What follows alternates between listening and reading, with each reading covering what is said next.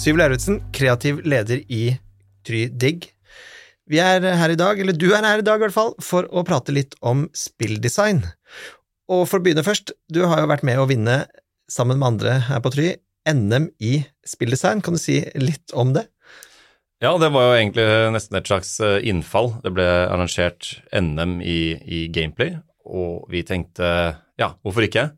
Eh, vi liker jo å gjøre nye ting, så vi kan vel gjøre dette òg. Og så endte vi med å stikke av med førstepremien, som da eh, gjorde at vi til slutt da utviklet eh, Norges første Arkadespill. Og gratulerer med det. det. det. skjedde jo for noen år siden, det var jo et kjempespennende prosjekt. Men tilbake til fagområdet. Hva handler egentlig spilldesign om? Spilldesign handler om å utforme friksjon, rett og slett. Å gi riktig mengde og type friksjon for å underholde, engasjere, lære bort og endre atferd hos spillere. Og gjennom da spill så kan man egentlig Det er jo da for opplæring, eller hva, hva engasjement hva er det ofte, Hvor er det ofte man bruker spilldesign? Altså hvilke områder er det det kommer inn?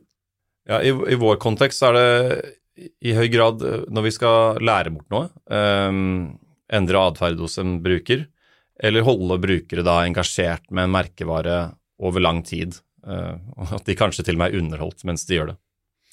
Og så vet jeg, jeg har hørt, eh, overhørt deg en gang snakke om uh, rakettforskning. Kan du fortelle litt mer om det? Ja, det var et uh, eksempel som jeg kom på mens jeg, uh, mens jeg satt og grubla på dette med å, å, lære bort ting i spilldesign. Det er et spill som heter Kerbal Space Program, som har lært meg rakettforskning.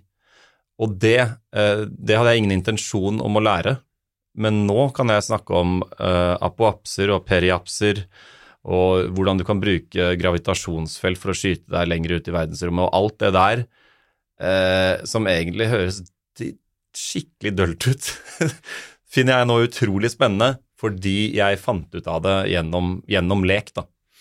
Ja, så du, du Da kom jo over dette et spillprogram hvor du kunne lære veldig mye. Tror du du kommer til månen til slutt med det? Man kan jo håpe, hvis vi finner riktig kunde, så.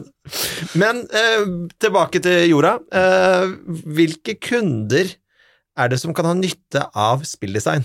Ja, I det offentlige så er det jo stort sett kunder som har lyst til å lære bort noe, og det eh, kommer jo veldig til uttrykk i alle de læringsspillene vi lager for eh, en haug med store navn, sånn som Norges Bank, Stortinget, KS, LO. I Norges Bank eksempel, så får spillerne selv lov til å forvalte oljefondet, og få kjenne på hvor fort gjort det er å havne i en børsboble når man jakter etter kortsiktig profitt. Men Ofte er det da kunder som har sikkert tusenvis av sider og millionervis av ord sant, som de ønsker kan, Er det mulig å konseptualisere dette inn til et spill? Hvordan jobber man som spilldesigner for nettopp å klare å forenkle den type sammenhenger? For spill handler vel ofte om å forenkle noe som egentlig er komplisert, og gjøre det visuelt? Det stemmer. Ehm, det er jo nettopp dette med forenkling som er en stor del av faget. Eh, å kutte ned til kun de mest vitale lærdommene man vil lære bort. Og så finne balansegangen mellom hvor mye man forteller spilleren eksplisitt, og hvor mye man lar dem finne ut selv gjennom utforskning og lek. Hvorfor satser eh, mange på spilldesign og gamification?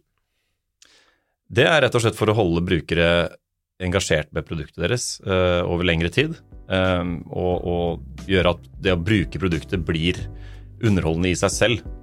Tusen takk for at du kom igjen, eh, Syver. Eh, veldig nyttig å høre litt om eh, spilldesign og gamification. Og hvis noen er interessert i å lære mer om det, eller nysgjerrig på å starte et prosjekt, ta kontakt med Syver.